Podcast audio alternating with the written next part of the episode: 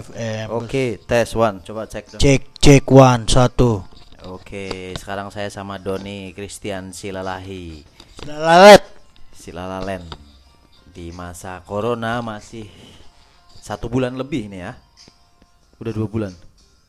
Nah, sebulan lah. Udah hampir dua bulan. Ini Sebulan. bulan puasa. Memasuki bulan puasa hari ketujuh. Apa kabar Bang Doni yang masih Home Swastiastu. Baik baik baik baik baik. Bang Doni ini masih berkeliaran di bulan puasa ini masih terus mencari uang dia ke sana kemari di luar padahal himbauan pemerintah dia tidak boleh untuk berkeliaran Estek di luar aja.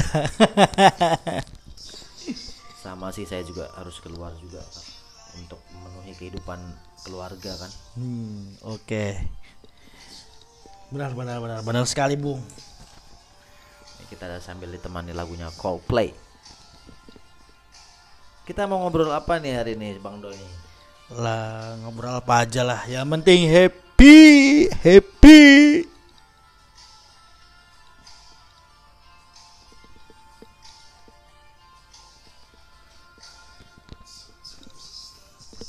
Ya, nyalain rokok dulu Wush, biar kenapa, Pak? Biar boles Wis. Ya. Apa? Gimana Don? Doni ini adalah juga seorang seniman dan seorang aktor yang belajar acting ke sana kemari Masa sih? di Sakti Aktor Studio tahun berapa itu Don? 2015. 2015. 15. Berapa tahun lo di situ? Hitung aja sendiri. Karena 2020 kan. Maksud gua lo belajar di situ berapa tahun? Dua tahun. Cuman enggak enggak enggak enggak tahun-tahunan, enggak nyampe tahun-tahunan. Cuman 5 bulan 6 bulan lah. Kayak kursus drum gua, gua dulu kursus drum cuma 6 bulan doang, terus tangan gua patah, bukan patah, pertak jempol. Masa sih? Iya, kecelakaan motor. Habis itu nggak kursus lagi gue. Silakan motor. Biayanya mahal juga sih kursus drum di Farabi waktu itu. Fatmawati kalau nggak salah ya. Apa di mana? Betul, Fatmawati, tahu loh. Iyalah, Fatmawati kan terkenal Farabi gitu loh. Baca notasi balok. Wis. nih gua. Gantian dong. Lu- Balok apa? Hah? Balok apaan yang dipelajarin? Balok bata, tahu Oh, nggak? bata-bata. balok. So di malam yang begitu dingin, yang habis hujan begitu cerah, katanya. Menurut Bung Banaun, apa yang harus dilakukan seniman di saat COVID-19 ini makin bertebar? Harus gimana nih para seniman nih? Bisa membuat seniman itu produktif lah. Atau atau gimana gitu? Seniman harusnya memanfaatkan waktu yang lengang ini untuk melakukan sesuatu, tapi ternyata kenyataannya nggak selalu begitu. Termasuk saya malah main game mulu. Ada untungnya ada kerjaan sama Kokom, cum- cuman harusnya kita bisa terus bikin video kayak apa kayak untuk menjaga mood itu nggak gampang. Nah kayak ini misalkan ngerekam entah siapa pun yang ngedengerin itu urusan nomor dua. Yang penting kita terus membuat dan melakukan sesuatu. Itu harusnya Don. Sebenarnya tugas itu sudah mengemban tugas sebagai mm, seniman ya. Maksudnya seniman tuh semua orang seniman sih. Oh, seniman suka ribut teman dong berarti. Bisa. bisa, bisa, bisa,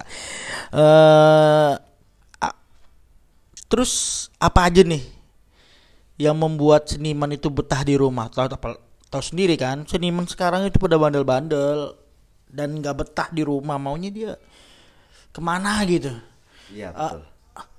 Kalau Mas Banan tuh harus gimana tuh biar bisa betah di rumah gitu? Atau ada kegiatan yang lain seperti bersih-bersih rumah atau apa gitu? Biar tips buat para seniman itu bakalan betah di rumah gitu.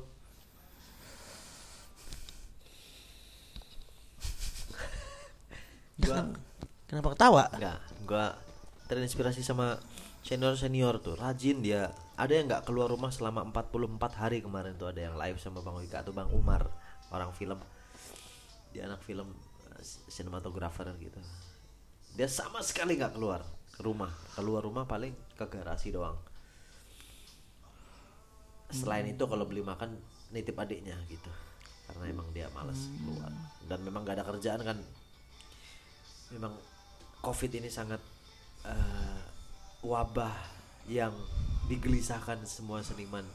Kerjaannya tutup mundur syutingnya manggung di cancel semua yang berhubungan dengan keramaian ditiadakan. Hmm. tapi Bang Umar ini salah satunya dia melakukan live IG bersama temennya yang lain untuk memberikan inspirasi bagi teman-teman yang nonton live IG-nya dia. Diskusi sama eh, Bang John Rantau misalkan sama Bang Wika sama eh, seniman-seniman yang lain. Jadi dia sharing ilmu di Instagram gitu live. Sayangnya Instagram live Instagram nggak bisa kesimpan nggak kayak Facebook yang bisa kesimpan gitu. Benar benar benar. kalau mau betah di rumah harus melakukan sesuatu memang Hmm. Terus nggak bosan gitu di rumah aja gitu? bosen untungnya ya kita harus tetap keluar untuk beli lauk tau gak lu beli lauk Memang kasihannya para seniman yang harus betah di rumah keluar cuma nyari lauk doang.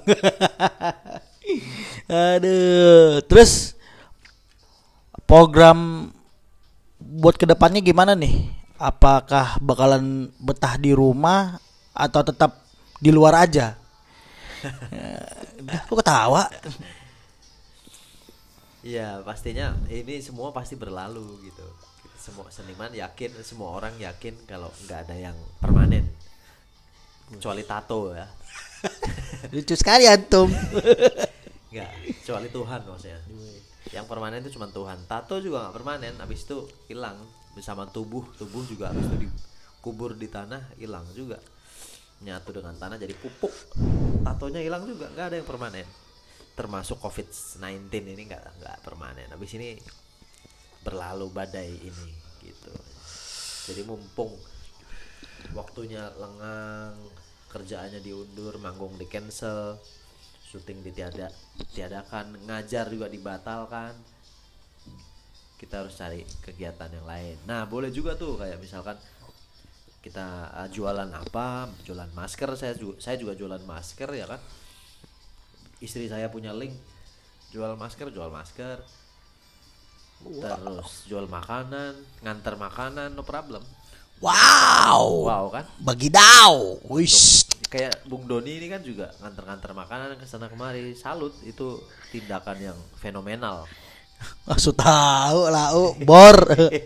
Tapi bener sih. hand sanitizer Tapi bener sih ya. hand sanitizer Ah, itu bahasa orang PA social distorsi Ta- Tapi sih memang bener sih ya. Kejenuhan masyarakat tentang Covid ini yo benar-benar dampaknya fatal sih. Kasihan yang orang kalang-kalangan bawah yang harus berdiam diri di rumah yang nggak tahu ngapa-ngapain. Ya dia paksa nggak paksa nggak kepaksa ya harus di rumah. Tapi bagus juga sih membuat agak kurang polusi. Nah itu dia. Dan di mana-mana kita harus cari bagusnya jangan cari jeleknya. Di mana aja lu mau kerja di pesawat terbang lu mau kerja sebagai PNS lu mau kerja sebagai seniman lu mau kerja sebagai eh, ojek online lu mau kerja sebagai musisi lu mau di rumah di luar lu harus cari di mana baiknya gitu, di mana positifnya, di mana menyenangkannya. Jangan cari buruknya, jangan cari negatifnya, jangan cari kurangnya. Nah, tugas kita sebagai manusia di mana pun kita berada, kita harus mencari positifnya, mencari di mana baiknya. COVID-19 ini baiknya adalah dunia tidak terpolusi, ya kan? Orang jadi lebih bisa meluangkan waktu bersama keluarga di rumah, ya kan? Baiknya di situ. Kita kita harus memandang semuanya di eh, sisi positifnya. Kalau kita sisi negatifnya kasihan ini kasihan itu semua orang kasihan memang. Gak ada yang nggak kasihan. Semua orang menderita.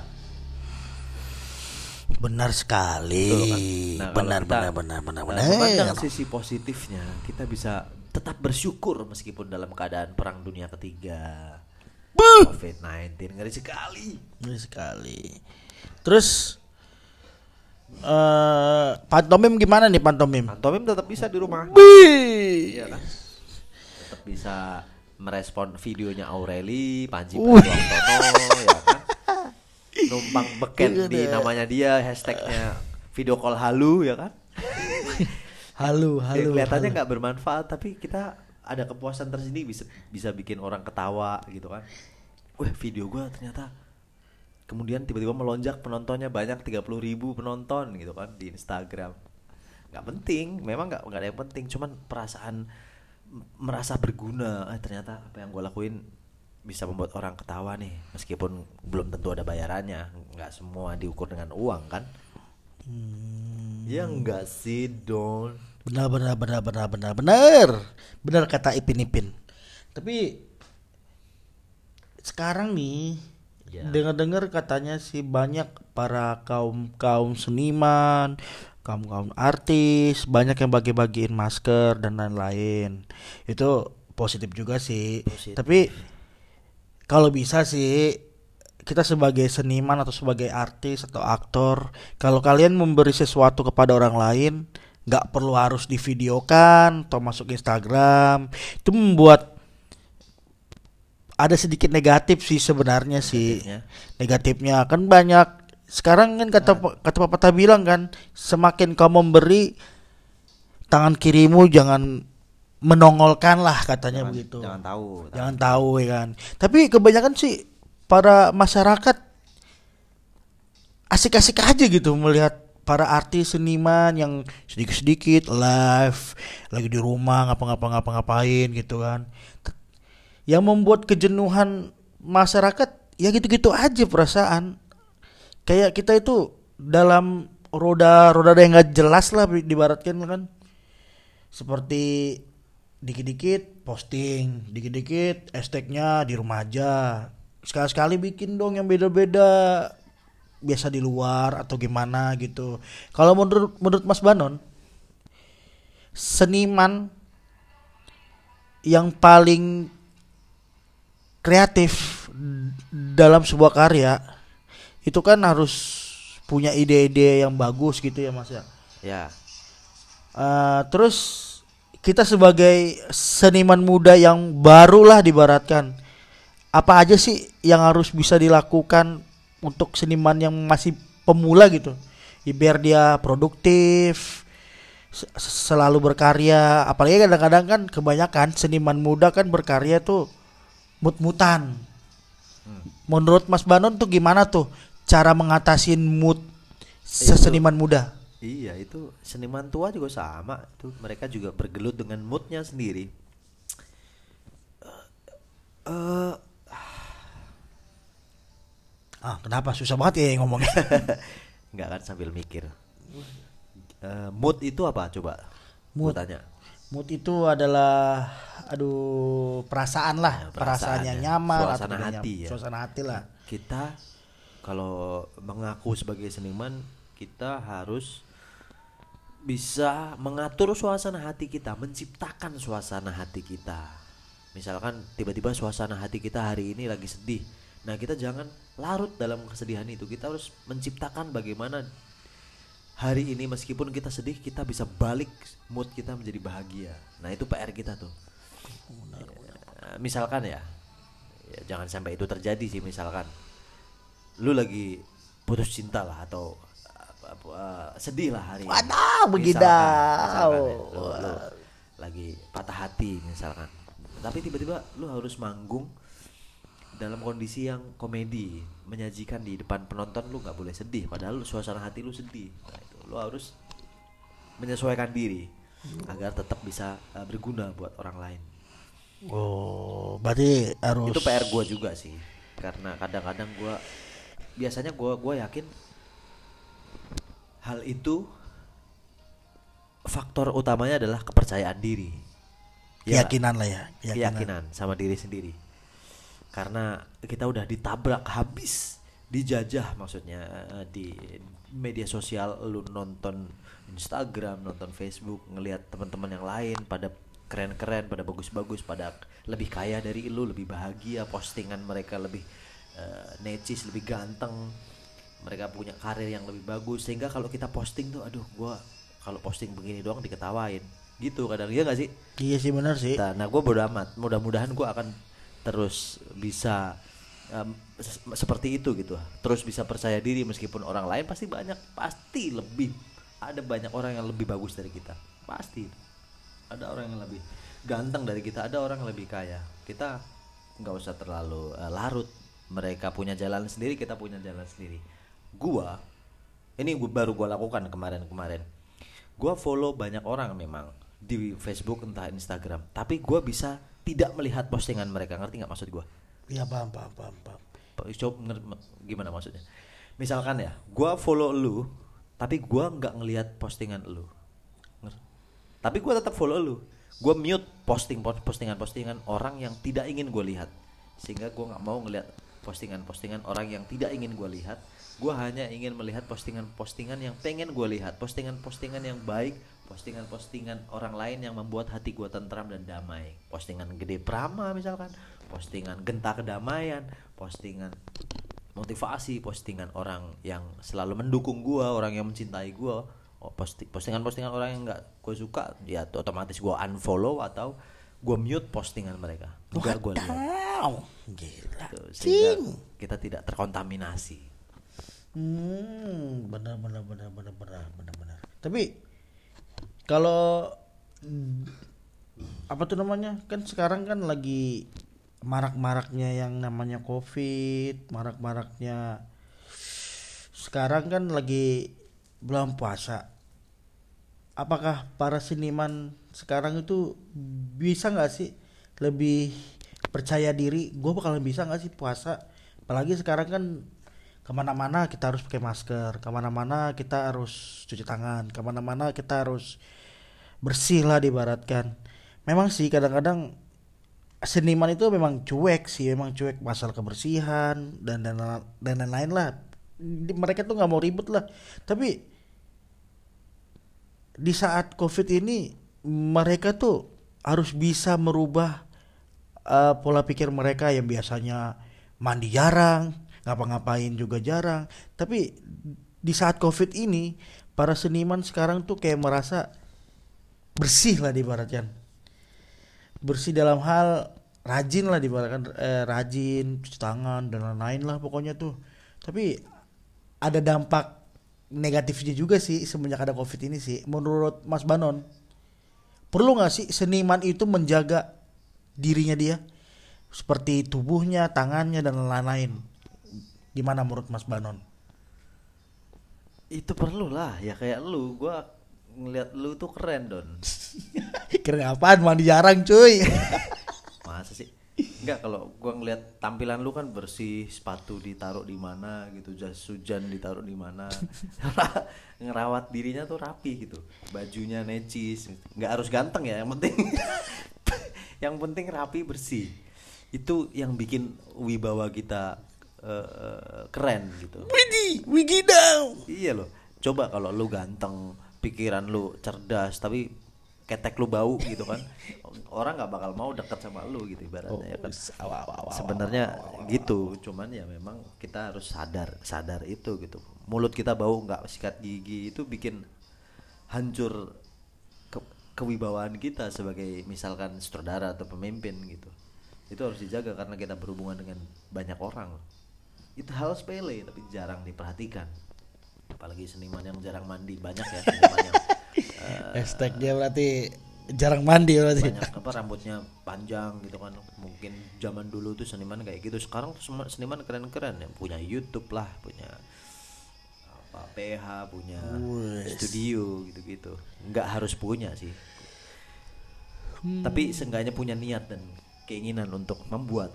Nah itu PR buat anak-anak muda juga buat gua juga semuanya intinya terus belajar untuk membuat sesuatu membuat lagi membuat lagi dengan sering dan eh, kuantitas kuantitas tuh banyak ya bukan kualitas kalau kualitas eh, ini kualitas tuh Nomor- nomor dua lah. Hah? Di nomor dua kan lah. Enggak. Kualitas. ya kuali- kualitas penting tapi gimana? untuk seniman muda atau ya semua seniman juga kita harus memperbanyak dulu lama-lama kalau banyak buatan-buatan kita mau buatan buatan kita tuh maksudnya ciptaan kita mau ciptaan kita berupa tulisan karya lukis karya video karya musik semakin banyak lu akan menemukan kualitas-kualitas se- secercah gitu secuil-cuil kayak Chaplin lah. Charlie Chaplin tuh filmnya banyak banget. Dan banyak yang sampah juga. Filmnya banyak yang jelek juga gua akui. Jelek banget banyak yang jelek. Enak ya cari Chaplin masa bikin beginian sih tapi di antara banyak film itu ada pasti muncul satu yang bagus gitu. Nah PR-nya itu kita harus bikin itu gitu. Padahal pertanyaan lu nggak ke situ tapi jawaban gua ke situ. Karena kan gue? Memang sepertinya cuaca ini membuat mata menjadi terlena emang. minum dulu dong kopinya. Aduh.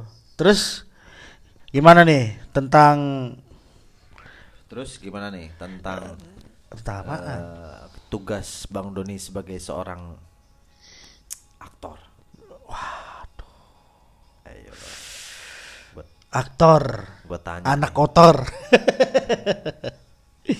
gue Ya. pengen nanya ke lu yang pernah belajar di SAS Sakti Aktor Studio tapi dari Bang Eka Sitorus ya Bang Eka Sitorus dulu pernah Iya. jadi ketua jurusan Wow, enggak. Prodi Teater program studi teater Institut Kesenian Jakarta Doni pernah belajar sama beliau Nah, tapi lu jangan mengutip dari siapa-siapa.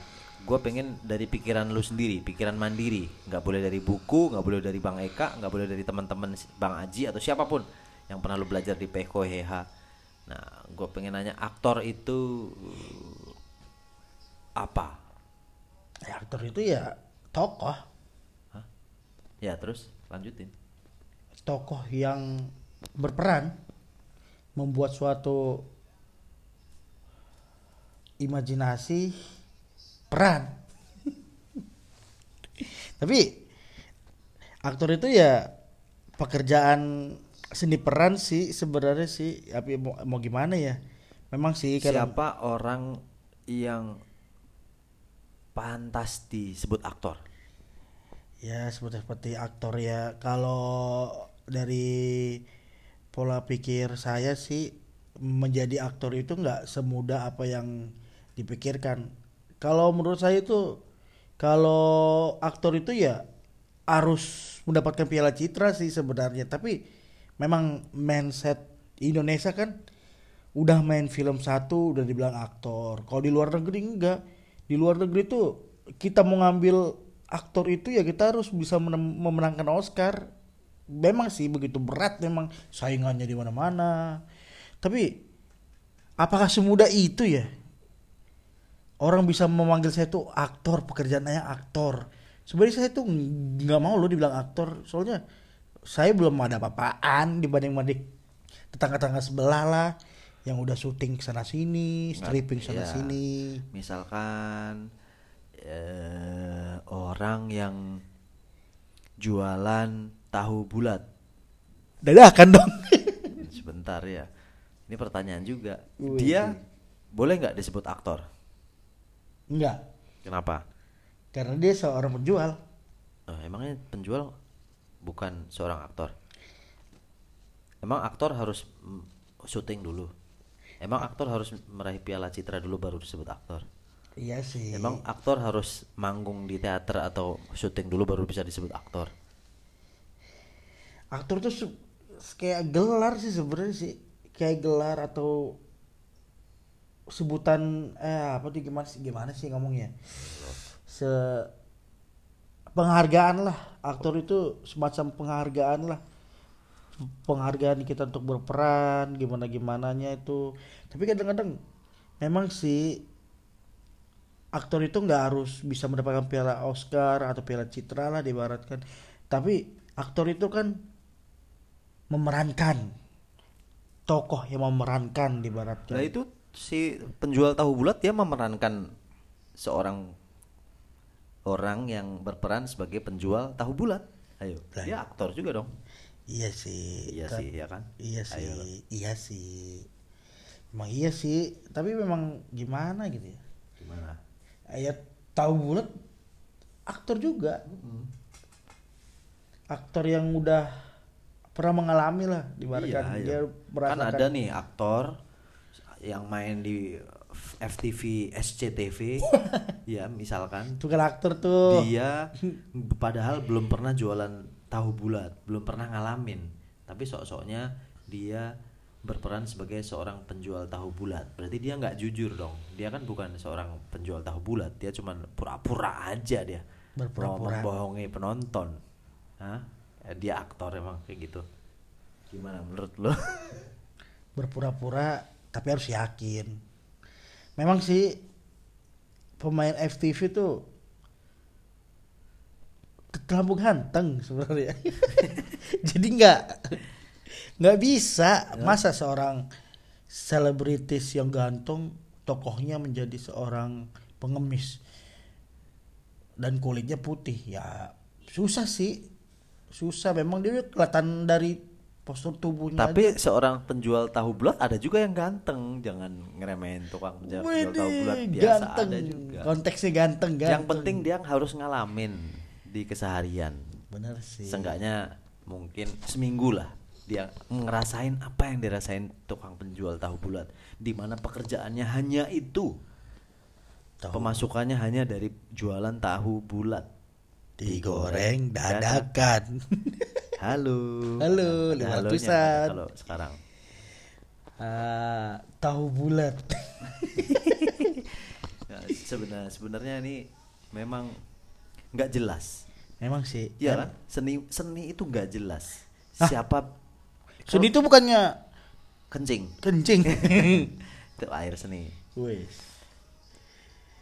seni itu nggak jelas sehingga siapa yang bisa dan boleh disebut aktor itu juga nggak jelas samar-samar gitu ternyata semua orang itu bisa disebut aktor dan semua orang juga ada kadang-kadang ada yang tidak pantas disebut aktor gitu. Bahkan ada yang aktor FTV disebut aktor malah di mata gua nggak pantas gitu kan. Nah, itu. padahal dia nggak sekolah acting itu si penjual tahu bulat. Tapi, tapi actingnya keren loh. Lebih ke naluri waktu itu, kayak kata Samson. ada pemulung pemulung yang beneran. Padahal dia nggak pernah syuting tapi memerankannya keren. Keren. Memang sih anak muda sekarang tuh dan aktor sekarang tuh pengen kelihatan keren lah dibaratkan. Tapi keren itu kan ada konteksnya juga sih. Konteks dalam hal apa dulu nih? Dalam postur tubuh, apa dari pekerjaan. Tapi kebanyakan pekerjaan sama penampilan tuh beti lah, beda-beda tipis. Betty Iya Lavea kan? beda-beda tipis tapi ya tapi itu udah udah profesi mereka masing-masing lah. Tapi kita sebagai seniman yang baik yang baik hati yang tidak sombong tuh gimana caranya kita harus bisa melihat gerak gerik seorang tahu bulat gerak gerik seperti artis FTV yang selalu ke sana sini selalu ke sana sini takut ketemu sama wartawan atau gimana lah. Tapi dari segi pandangan mata saya aktor itu adalah seorang pekerja seni untuk seni peran. Tidak tidak sama ya seperti kayak tahu bulat. Ya kan? Bener kan? Iya sih Iya bener kan? juga. itu bener juga gua nggak nyalahin. Ta- tapi kadang-kadang semudah itu loh orang orang zaman sekarang tuh baru main sekali film dia udah bangga gitu bilang dia tuh aktor tapi memang benar sih aktor yang keren tuh aktor yang yang apa adanya sih memang sebenarnya sih. Yang simple kelihatannya tuh sederhana enggak enggak menampilkan yang aneh-aneh di Instagramnya. Kayak misalnya nongkrong sana sini harus diposting. Makan di tempat mewah harus posting. Tapi saya bingung kadang-kadang tapi kalau giliran lagi sakit mereka jarang posting. Tapi menurut para seniman-seniman sekarang lebih suka mana? Main film apa main teater? Untuk Mas Banon. Lu gimana pertanyaannya gini? Leb- lebih pingin lebih pingin ke mana nih? Sukanya ke film apa ke teater siapa guanya iya masa siapa lagi Iya pertanyaan lu tuh kayak gini eh, analoginya ibaratnya Wih, pakai analogi dia. Kayak lu suka makan soto atau suka makan eh, rujak gitu. Soto. ya lagi-lagi ada konteksnya. Kalau lapar ya soto. Kalau gue pengen seger-seger ya buah gitu kan. Nah, terus gua nggak bilang syuting itu tuh sebagai rujak, teater sebagai soto, enggak. Tapi kedua-duanya punya kelebihan masing-masing gitu. Ya enggak. Hmm, benar benar benar benar. Syuting penting, teater juga penting. Benar sih, benar benar benar. Dua-duanya penting. Tapi kalau untuk keeksisan lah dibaratkan lebih milih mana? Film apa teater? Keeksisan. Eksis itu apa? Semacam beken lah. Eksis tuh kayak kelihatan beken dilihat orang-orang eksis nih gue nih. Biar kelihatan wow. Lagi-lagi jawabannya selalu tergantung. Tergantung. Film apa dulu nih? Ya enggak? Nah benar benar film yang kalau cuma film gak jelas sutradaranya gak jelas ceritanya jelek perannya apalagi ya kan? Terus kemudian kalau di teater teater eh, drama musikal apalagi kalau keliling tour Eropa ayo. meskipun pakai subtitle bahasa Indonesia tapi kita bisa eh bahasa Inggris subtitlenya gue pernah nonton tuh eh, yang Pak Willem main juga. Sampai Wow. keliling Inggris Belanda dia Film apa tuh? Mainnya Yanto Soroh kalau nggak salah itu. Oh. Riri Riza pernah nonton. Gue juga pernah nonton bareng Riri Riza di eh, apa namanya pusat kebudayaan Inggris tuh. Wah sutradara-sutradara film nonton semua bule-bule yang nonton Pak Willem. Nah itu kan keren. Mendingan gue milih teater daripada film. Nah tergantung lagi kalau filmnya bagus, sutradaranya bagus, perannya bagus, ceritanya bagus dibanding teater yang ecek-ecek nggak jelas, mendingan film gitu kan bayarannya juga jelas ya kan. Ada loh film yang bayarannya nggak jelas dan teater bayarannya yang keren. Kayak teater koma bayarannya keren dan perannya kadang-kadang bagus, ceritanya juga bagus. Jadi semuanya tergantung don, nggak bisa kita pilih mana, tergantung dong gitu. Sadis. Sadis. Sadis. Sabisi, sabisi. Ih, sabisi apaan tau juga. makanya harus pilih-pilih jangan asal kalau film langsung lo habek lo tabek enggak lo harus pilih-pilih juga nih film bagus nggak ceritanya nih ini film sutradaranya siapa nih? Gitu. Ini film meskipun mungkin sutradaranya bagus tiba-tiba lu kalau pas terlibat krunya nggak enak. Ini apanya suasananya pas pada saat proses syuting nggak memadai dibentak-bentak sama telco. Ini apa nah mendingan nggak usah ya kan? Ini menginjak-injak harga diri. Harga diri tidak bisa dibeli dengan uang dan popularitas. Mendingan gua main game di rumah. Benar sih. Dan berkarya sendiri ya kan Wih, ngevlog, ngevlog, ngevlog, ngevlog. iya dong Terus aktor yang Mas Baron suka siapa tuh di Indonesia? Yang benar-benar membuat membuat Mas Baron tuh, wih, anjrit. Dia keren, keren mainnya, keren, keren. Putu Wijaya Udah kah? Dah, kok Putri Wijaya kan Putu Wi- Wijaya itu padahal muridnya W.S. Rendra ya itu karena sebenarnya W.S. Rendra keren cuman karena gua belum lihat banget dia perform di atas panggung gua telat itu waktu itu gua nonton muridnya Putu Wijaya itu muridnya W.S. Rendra gua nonton pas pada saat dia monolog aduh keren banget don gue sampai nangis waktu itu karena saking kerennya kalau film gua nggak tahu deh. Ya pasti banyak lah senior-senior kayak Deddy Miswar, Didi Petet itu dahsyat-dahsyat.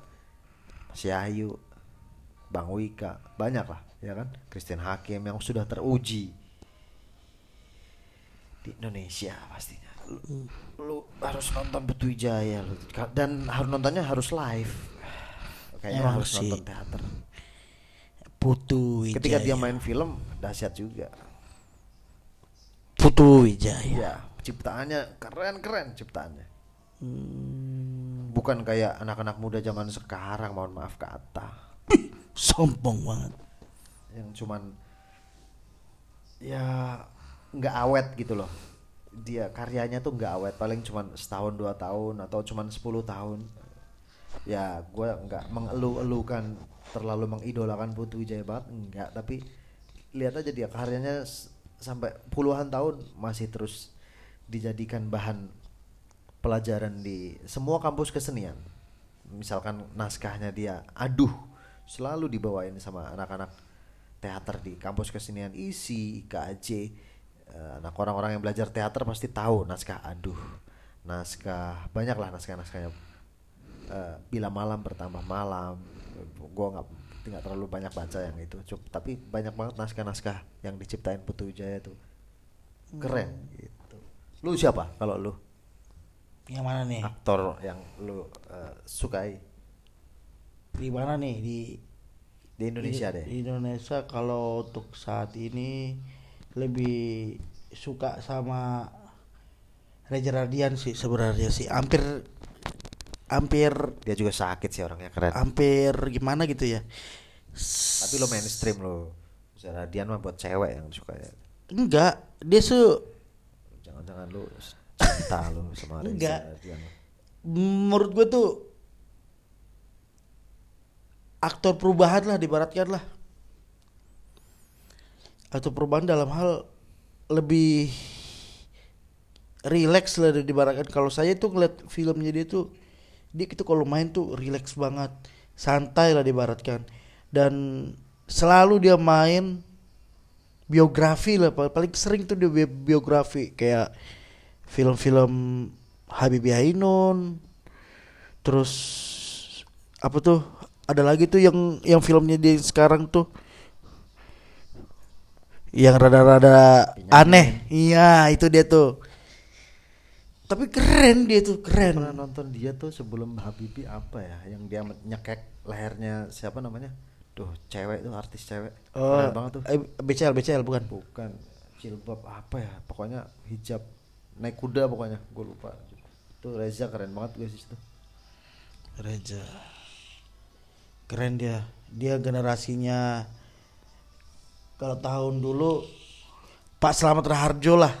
Babe si Babe dibaratkan eksis di mana-mana tuh film pokoknya selalu ada dia Slamet Raharjo kayak gitu gitulah memang sih face-nya Reza dengan face-nya Reza atau sendiri kan orang fans-fans film Indonesia kan lebih suka mencari pemain yang ganteng-ganteng. Ganteng. Reza ganteng menurut lo Adalah sedikit face-nya. cie Kok cie-cie? Mali, mali. lu tahu don ya orang yang ganteng yang mana yang enggak ya ternyata Enggak, enggak kebanyakan gilingan gilingan don kebanyakan dia inian apa? ini yang apa Fans-fans Indonesia itu gilingan suka yang cowok yang ganteng-ganteng gitu. yang ala-ala ala Korea, ala-ala Turki, Arab dan sebagian sebagian lah. Kemarin lagi tren-tren India, India, Korea, Korea. Tapi kebanyakan sih memang di industri perfilman sih bosen juga kalau mencari aktor yang ganteng terus. Sekali-sekali dong cari yang Kang Epi ganteng? Kan Kang Epi kan lebih konteks ke komedi. Ini aktor-aktor drama, aktor drama Enggak, tuh Kang Epi drama juga sebetulnya. Tapi Ya, kan- meskipun dia agak komedi. ada komedi Tapi kan. banyak dramanya juga dia. Itu yang kadang-kadang yang membuat Didi Petet ganteng ah, sedikit adalah face-nya lah. Kocak. serem ya Kocak, kocak, kocak, kocak. Enggak, iya ganteng itu Relatif. apa ya? Iya, iya relatif oke. Satu. Relatif. Kedua, memang itu membuat dagangan jadi lebih laku Iya sih. karena Kemasan lah di iya kemasan. Nah, itu yang kita bicarain tadi jadi rapih, jadi enak dilihat, jadi indah gitu. Pemainnya ganteng, mainnya bagus. Waduh. Wadidaw. Wadidaw, jadi filmnya mahal gitu. Mahal. Ya, kayak ibaratnya lu udah ganteng bersih rapi gitu. Terus eh Jangan jelek, udah jelek, bau, hancur berantakan, nggak rapi berantakan gitu. Kalau jel- kalau kita nggak terlalu ganteng-ganteng amat, seenggaknya kita harus rapi, pakai baju yang kemasannya yang bagus sehingga tetap Iya enak sih. dilihat. Benar sih. Terus ini kan tentang aktor nih. Kalau film film yang membuat Mas Baran tuh keren tuh bahkan ih gila nih ya film ini benar-benar real bagus eh memberi motivasi lah ke banyak ke banyak banyak kalangan lah film apa yang yang Mas Banon suka dari cerita eh, dari selama Mas Banon nonton tuh dari A dari B dari C dari J dan lain-lain lah. Satu ya cuma satu doang nih milih. Film apa yang paling Mas Banon suka? Gua nggak tahu. Tiba-tiba gua ini apa tercetus. Kalau lu bilang cuma satu gua langsung kepikiran tercetus satu satu film. Dan itu menginspirasi juga. Judulnya Cinderlist tahun 1993 itu. Steven Spielberg saudaranya. Udah nonton belum lu? Hah? udah nonton belum? Belum belum belum. Itu keren. Gua nggak tahu kenapa itu yang tercetus di dalam pikiran gua gitu. Wow. Cinderlist Cinderlist Cinderlist itu siapa tuh eh, aktor ya? Liam Neeson Liam Neeson. Hmm, tahun tahun 93 93 Fi- filmnya sebetulnya nggak film lama kan produksinya 93 cuman ceritanya dari diceritain film itu tahun 1930-an kali.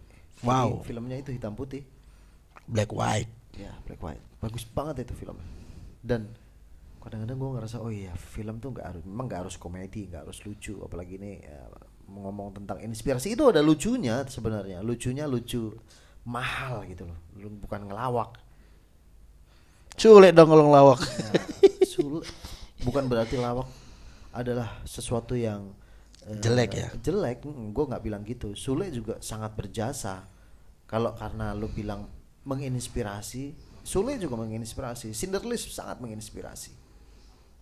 Itu kisah nyata soalnya pembunuhan massal. Kisah nyata pembunuhan massal eh, umat Yahudi. Dan si si- Cinder ini nolongin orang-orang Yahudi hmm, gitu ceritanya. Iya. terus film yang terkesan sampai lu, lu dulu. Waduh film ya. Satu film yang paling lu bilang menginspirasi gantian dong. Film apa dulu nih? Film Indonesia Terserah, apa barat? Bebas. mau barat mau Indonesia. Kan tadi gua lu bilang satu satu itu gua. Yang yang membuat saya suka tuh film untuk saat ini ya. Dan aktor-aktornya tuh kalem dibaratkan lah. Saya filmnya Denzel Washington yang kemarin tuh yang Equalizer satu dan dua tuh gila tuh benar-benar tuh menurut gua tuh wow. Kenapa? Apa yang bikin lu wow di situ? Saya itunya aktornya kalem nggak banyak gerak santai banget relax banget. Dan ceritanya bermotivasi buat kita lebih baik lah kepada orang-orang lain.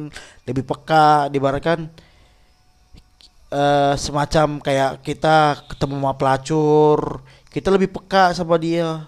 Meskipun kerjanya si pelacur itu menjual tubuhnya tapi seenggak-enggaknya kita tuh lebih bisa menghargai lah karena dia nggak punya masker kalau punya masker dia jual masker. Bener sekali aja dia jual bisa jual masker juga. Tapi ada lagi tuh filmnya Denzel Washington tuh kayak cerita agama saya. Yang nam judulnya kalau nggak salah Eli Eli ya? Ya Book of Eli. Buff Eli ya gitu. Book Eli. yang dia menjaga kitab suci tuh biar nggak diambil sama manusia-manusia jahat lah dibaratkan tuh keren banget keren keren keren. Dibaratkan simple. Kemasannya juga simple dibaratkan ceritanya. Ceritanya dan gambarnya tuh dahsyat bah pokoknya bener-bener kayak saya tuh kayak merasakan saya hidup di kota mati lah dibaratkan tuh yang di mana-mana harus pembantaian dan gini-gini lah.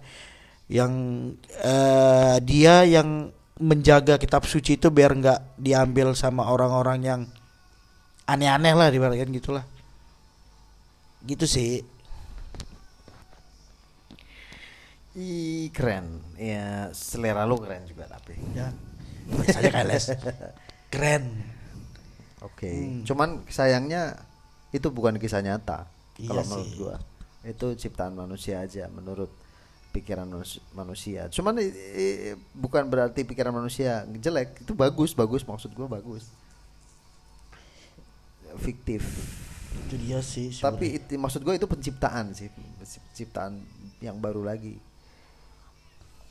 eh iya iya iya kayak gitulah kira-kira. keren Keren.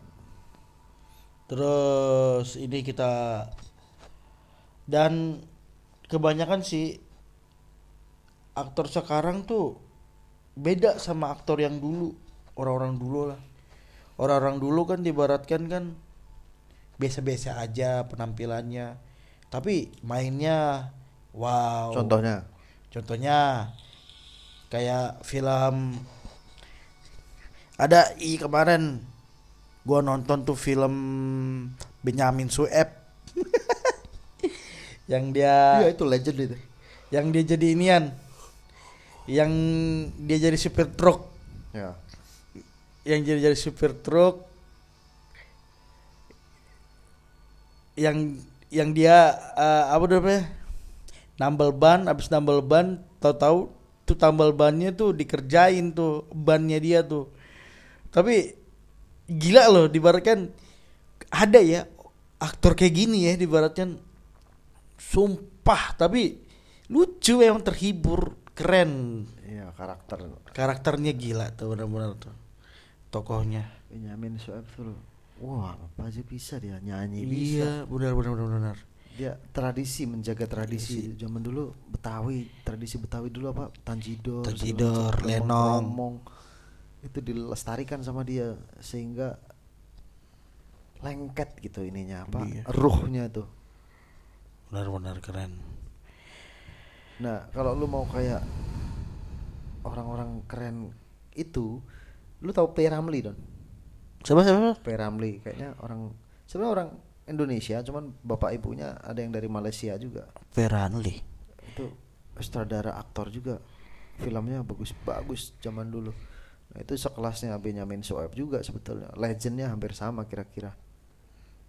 hmm, Film-filmnya zaman dulu bagus-bagus juga dia tuh. Dan dia menjaga tradisi Melayu juga, cerita-cerita rakyat Melayu. Lucu Melayu. tapi juga satir. Satir itu komedi yang dark gitu, gelap. Buh, kayak kayak- kayak Chaplin bukan Iya, lu nonton Chaplin film yang mana lu gaya-gayaan lu? Chaplin Judulnya ya apa? aduh kalau judul gue kurang tahu dah tapi gua ada yang Iya meskipun nonton di YouTube ada judulnya, film panjangnya ada. Wah, Aduh. nonton bareng bagus juga itu buat pelajaran. Chaplin yang paling lucu yang dia jadi abri apa tentara tuh yang dia disuruh yang disuruh baris berbaris tuh ya tuh sama yang dia nemuin anak kecil apa gimana tuh tuh yang di dalam di dalam di dalam apa sih namanya Itu lu nonton sampai habis nggak itu? cuma setengah doang sih tuh Hah? Gue nangis nonton itu keren banget itu. Abis itu gue juga bingung juga sih. Soalnya ya memang sih dia memang profesinya pantomim eh, berakting silent lah dibaratkan kadang-kadang Soalnya zaman itu belum ada iya sih film yang berkata-kata, belum ada sounds kayak sekarang ini, mikrofon. cari Chaplin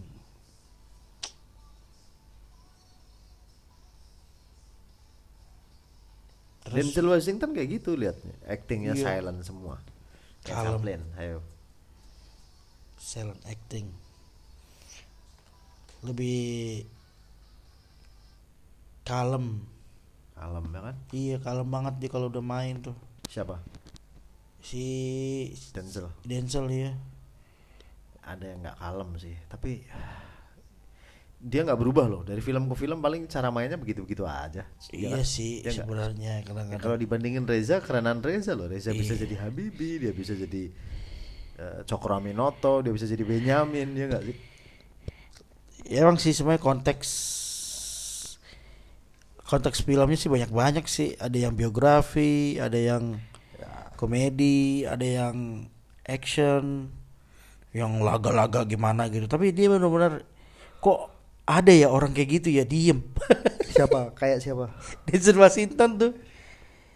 Tapi diemnya tuh jadi enak. Enak. Nggak banyak gerak juga sih. Memang sih kadang-kadang kita yang sebagai manusia-manusia butuh yang namanya simple kegerakan lah. Tahu gue juga bingung ini gue mau ngomong apa nih.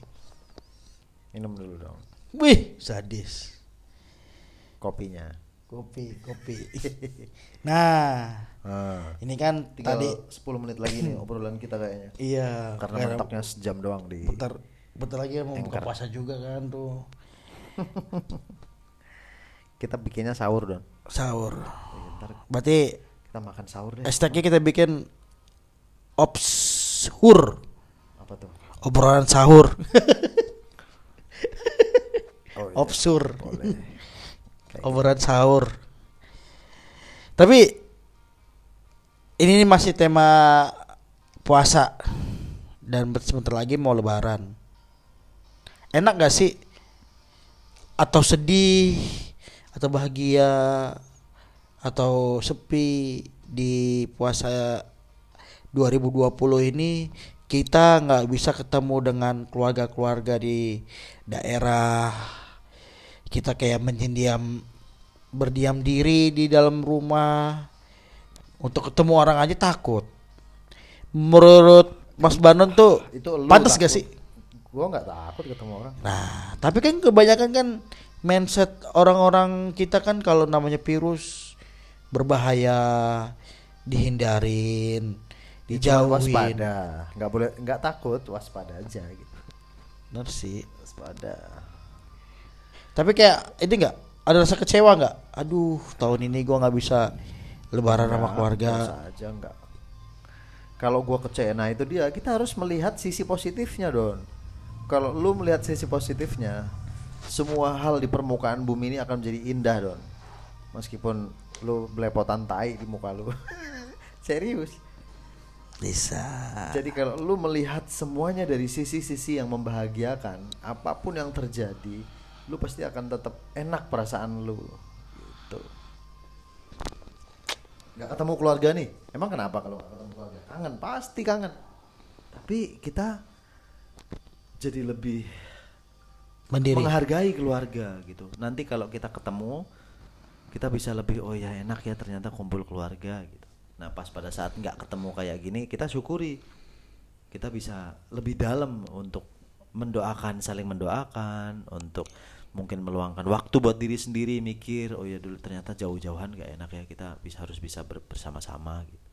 Bener, bener, bener, bener. Mikir. Intinya hashtagnya mikir, mikir. Soal mikir. Kadang-kadang manusia ini paling males mikir dibaratkan. Apalagi yang namanya covid. Covid udah mulai lama. Pikiran jadi gimana gitu. Apa mungkin gara-gara suntuk atau hashtagnya biasa di luar kali ya. Hashtag mulu. Iya. Enggak, abisnya sekarang orang-orang sekarang tuh hashtagnya tuh unik-unik. Ada yang hashtagnya di rumah aja, sayangin keluarga, terus jaga kebersihan dan lain-lain lah. Tapi jadi lucu, ibaratkan gara-gara covid ini semua manusia tuh aneh-aneh masa ketemu sama temen kita bersalaman kita nggak boleh Waspada kan. waspadalah waspadalah Boleh. Suatu saat nanti akan boleh.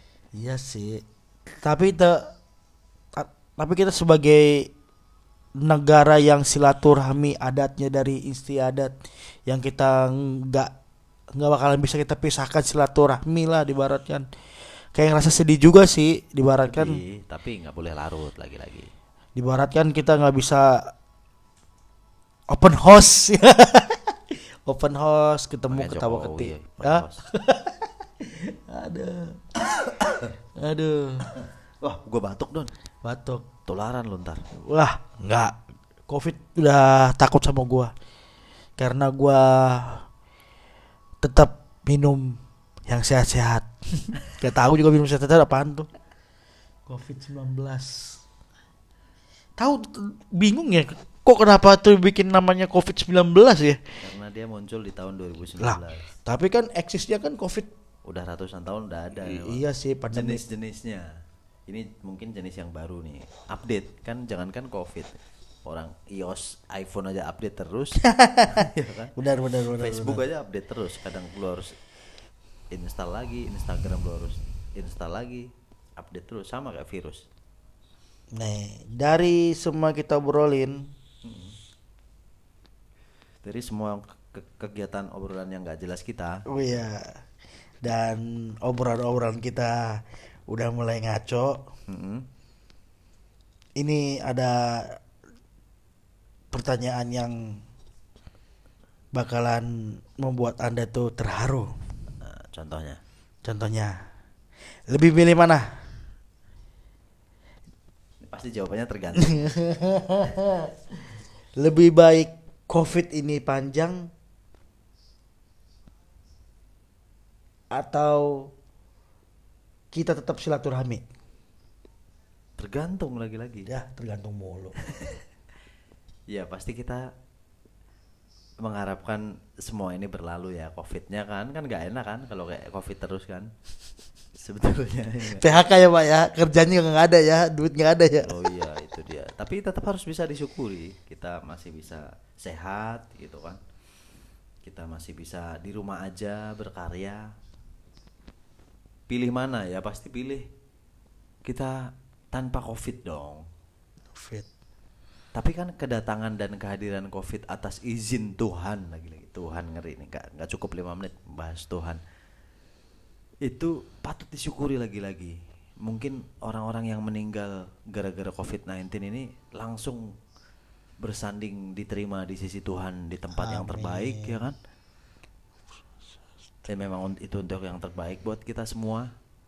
Bumi kita menjadi lebih istirahat tanpa pabrik-pabrik dan polusi udara Iya. orang-orang jadi makin menghargai indahnya pertemuan. Kadang-kadang kalau kita ketemu kan kita sibuk main handphone gitu. Kan nanti pas covid-19 hilang mudah-mudahan pas pada saat ngumpul nggak lagi saling main handphone terus. Kita bisa tatap muka bener-bener ngobrol dari hati ke hati dari tatap pandang kayak lu sama wanita pujaan lu ketika ngobrol kan.